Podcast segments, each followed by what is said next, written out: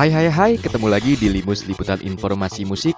Tidak terasa Limus sudah memasuki episode ke-10-nya. Eits, tapi tetap kok membahas seputar musik dengan informasi dari penyanyi atau band dalam negeri dan begitu juga dari luar negeri.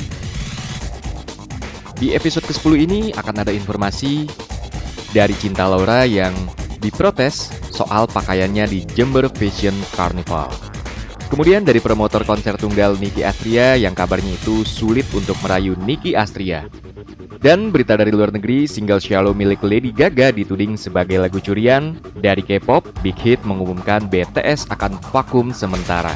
Dan menutup jumpa kita di episode kali ini akan ada cara mudah untuk meningkatkan kemampuan bermusik. Jangan ke mana-mana, tetap di Limus, Liputan Informasi Musik. Yuk kita mulai guys, informasi pertama dari Cinta Laura yang diprotes pada saat Jember Fashion Carnival. Penyanyi dan artis peran Cinta Laura mendapat protes terkait penampilannya di Jember Fashion Carnival 2019 beberapa waktu yang lalu nih. Dan penampilan Cinta yang memakai kostum hudok dari Kalimantan Timur dinilai sangat seksi. Saat ditanya mengenai adanya protes tersebut, Cinta pun enggan memberikan komentar.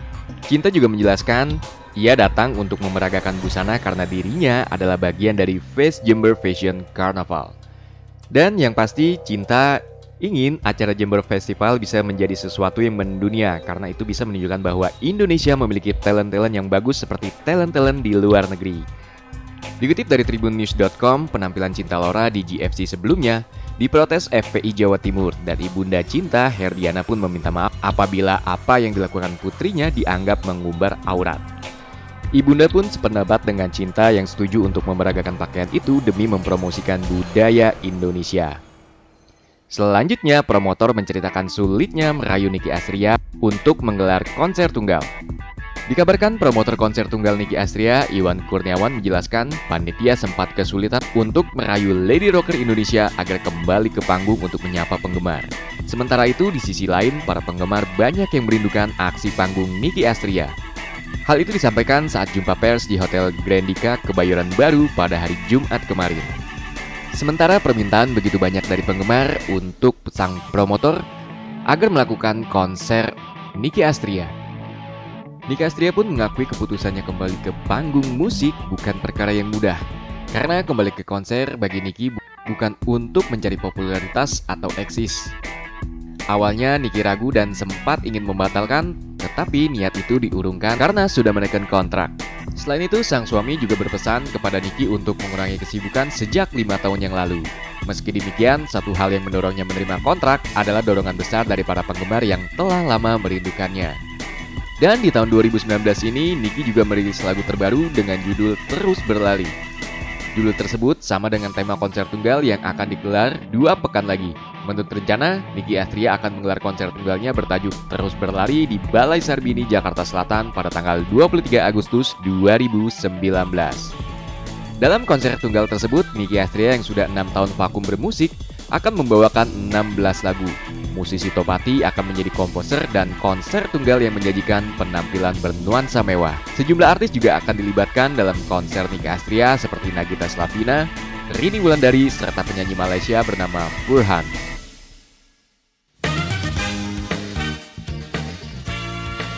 Limus, liputan informasi musik.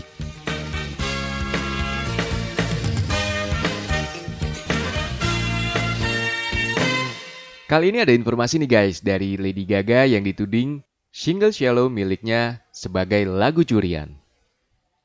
Kabar tidak sedap tengah menghantam penyanyi Lady Gaga. Single Shallow yang mengantarkannya berjaya di ajang Oscar, Golden Globe, dan Grammy Awards dituding sebagai lagu curian.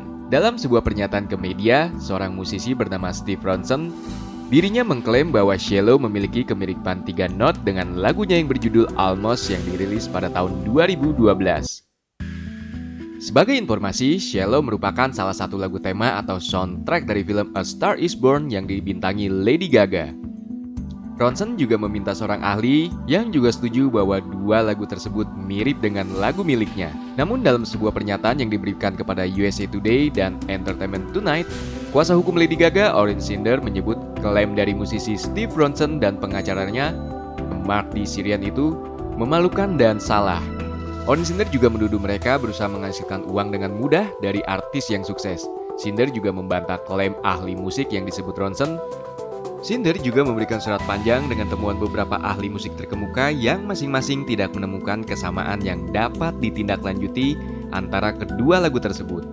Pendapat ini berbeda dari ahli musik Syrian yang mengaku perkembangan tiga nada generik hadir di banyak lagu lain sebelum lagu kliennya dibuat. Cinder juga menegaskan bahwa Lady Gaga akan melakukan perlawanan apabila klaim Ronson itu dibawa hingga ke jalur hukum. Kita tunggu perkembangan selanjutnya ya guys, dan informasi selanjutnya dari K-pop. Big Hit mengumumkan BTS akan vakum untuk sementara. Boyband BTS akan vakum sementara dari kegiatan mereka yang padat. Pada tanggal 11 Agustus 2019, Big Hit Entertainment secara resmi mengumumkan bahwa untuk kali pertama sejak debut mereka di tahun 2013, BTS akan memiliki masa istirahat resmi. Loti Dati Free Family Concert adalah penampilan terakhir mereka sebelum para member bersiap-siap untuk berlibur. Menurut agensi, rehat ini akan menjadi kesempatan bagi BTS untuk mengisi ulang energi mereka dan menampilkan diri yang baru sebagai musisi dan kreator. Big Hit Entertainment juga meminta kerjasama penggemar dalam membantu menjaga privasi BTS agar personil mereka dapat menikmati waktu luang. Hal ini juga akan memberi mereka sebuah kesempatan untuk menikmati kehidupan biasa seperti orang-orang berusia 20 tahunan lainnya. Dan sebagai informasi yang terakhir di Limus episode ke-10, Limus akan memberikan cara mudah meningkatkan kemampuan bermusik. Memiliki kemampuan bermusik bisa menjadi salah satu nilai plus bagi Anda. Hal ini karena tidak semua orang memiliki kemampuan bermusik. Pada sebagian orang, kemampuan bermusik merupakan bakat alami yang didapat sejak lahir namun, pada sebagian yang lain, kemampuan bermusik harus dipelajari, diasah, dan terus dikembangkan. Bagi Anda yang ingin meningkatkan kemampuan bermusik Anda, ada cara mudah meningkatkan kemampuan bermusik yang bisa Anda lakukan. Kemampuan bermusik meliputi semua kemampuan dalam bermain musik, baik itu penyanyi, pemain gitar, drummer, dan lain-lain. Memiliki kemampuan bermusik pasti memiliki manfaat tersendiri untuk Anda. Selain mampu meningkatkan kecerdasan otak kanan, Bermain musik juga bisa Anda jadikan sebagai mata pencarian. Untuk meningkatkan kemampuan bermusik, hal yang harus Anda lakukan adalah selalu berlatih. Berlatih akan membuat Anda lebih mudah dan lebih cepat menguasai jenis musik yang sedang Anda pelajari. Selain berlatih, ada juga beberapa cara mudah untuk meningkatkan kemampuan bermusik.